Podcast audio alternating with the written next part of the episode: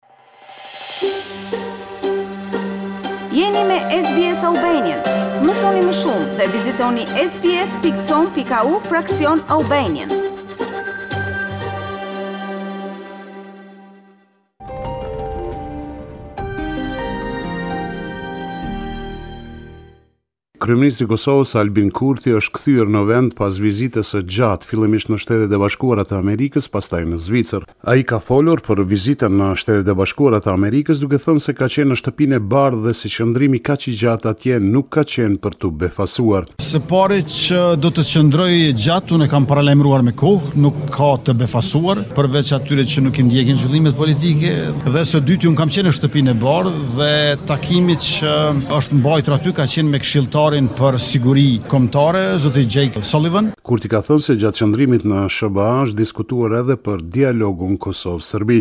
Është përmendur dhe dialogu Kosovë-Serbi, me ç'rast qëndrimi dhe qëllimi është i palëkundshëm, pra Beogradi duhet të ndryshojë dhe dialogu duhet të rezultojë me një marrëveshje ligjërisht të obligueshme për normalizim të plotë të marrëdhënieve me ç'rast në qendër do të jetë njohja reciproke. Tutje ai ka thënë se qëllimi i vizitës së tij ka pasur për synim sjelljen e investimeve në Kosovë. Ai ka thënë se në takimet me kompani të ndryshme i ka njoftuar për progresin në vendin tonë. Kryetari i Partisë Demokratike të Kosovës, Memli Krasniqi, ka kritikuar Qeverinë Kurti për mungesë vëmendje ndaj bujqve. Teksa vizitoi organizatën Iniciativa për Zhvillimin e Bujqësisë së Kosovës në Vushtrri, Krasniqi pati një porosi për Kurtin. Unë i kisha thënë kryeministrit Kurti që para se me shku me vizitu fabrikat e çokoladave në Zvicër le të vjen, le të ëmbëlsohet me këto ëmbëlsinat e Kosovës që fermerët edhe gratë e vyshme të vendit tonë janë duke i prodhuar, sepse këta kanë nevojë me i mshtet ma shumë se sa që kanë nevojë me i mshtet fabrikat e prodhuesve të çokoladave të Zvicrës. Edhe kryetari i LDK-së, Lumir Abdixhiku, kritikoi qeverinë Kurti gjatë një tubimi me qytetarë me të cilët ka nisur takimet për planifikimin e programit qeverisës, Abdixhiku tha se kjo qeveri po dëshmon paaftësi.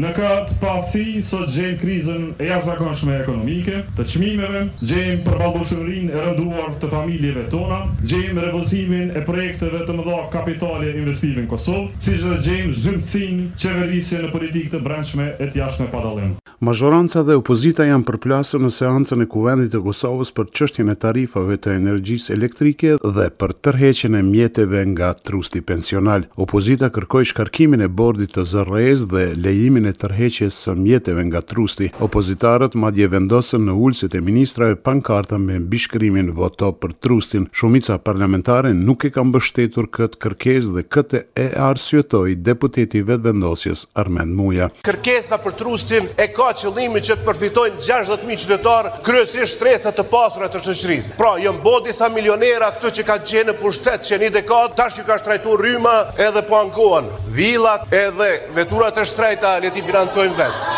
Por jashtë ndërtesës së Kuvendit, një grup qytetarësh protestuan duke kërkuar që sa më shpejt të lejohet tërheqja e një përqindjeje të mjeteve të trustit. Organizatori i kësaj proteste, Adnan Jashari, ka thënë se protesta do të përsëritet nëse nuk votohet pro tërheqjes së trustit. Bëjmë thirrje të gjithë deputetëve të Republikës së Kosovës që në seancën e ardhshme të votojnë pro projektligjit që lejon tërheqjen e tridhjetë për qind të trustit. Gjendja në të cilën ndodhemi është urgjente. Kryetari i Kievit, Vitali Klitschko, në margjina të Forumit Ekonomik që u mbajt në Davos të Zvicrës, ka falënderuar Kosovën për solidaritetin me popullin e Ukrainës. Klitschko në një intervistë për gazetën shqiptare në Zvicër, Le Canton njëzet e shtatë, ka thënë, Faleminderit Kosovë, faleminderit shqiptarë, pasi ju u çliruat nga Serbia, edhe ne do të çlirohemi nga Rusia. Ish-kampioni botëror në boks shpreson që një ditë Ukraina do t'ia kthejë me të mirë Kosovës mbështetjen që ka dhënë për të. Kjo deklaratë e Kliçkovit ka zgjuar reagime të ashpra në Serbi, ndërsa që sot, sipas mediave serbe, ekipi i Kliçkovit po e përgatit një reagim kinse për të pavërtetat e thëna nga portali shqiptar në Zvicër.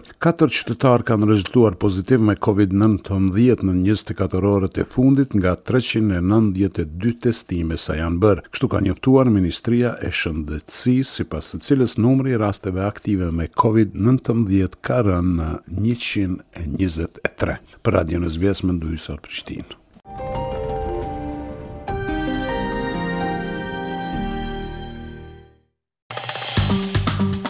A ju pëlqeu ky reportazh? Për më shumë vizitoni Apple Podcast, Spotify ose faqet e tjera të podcast.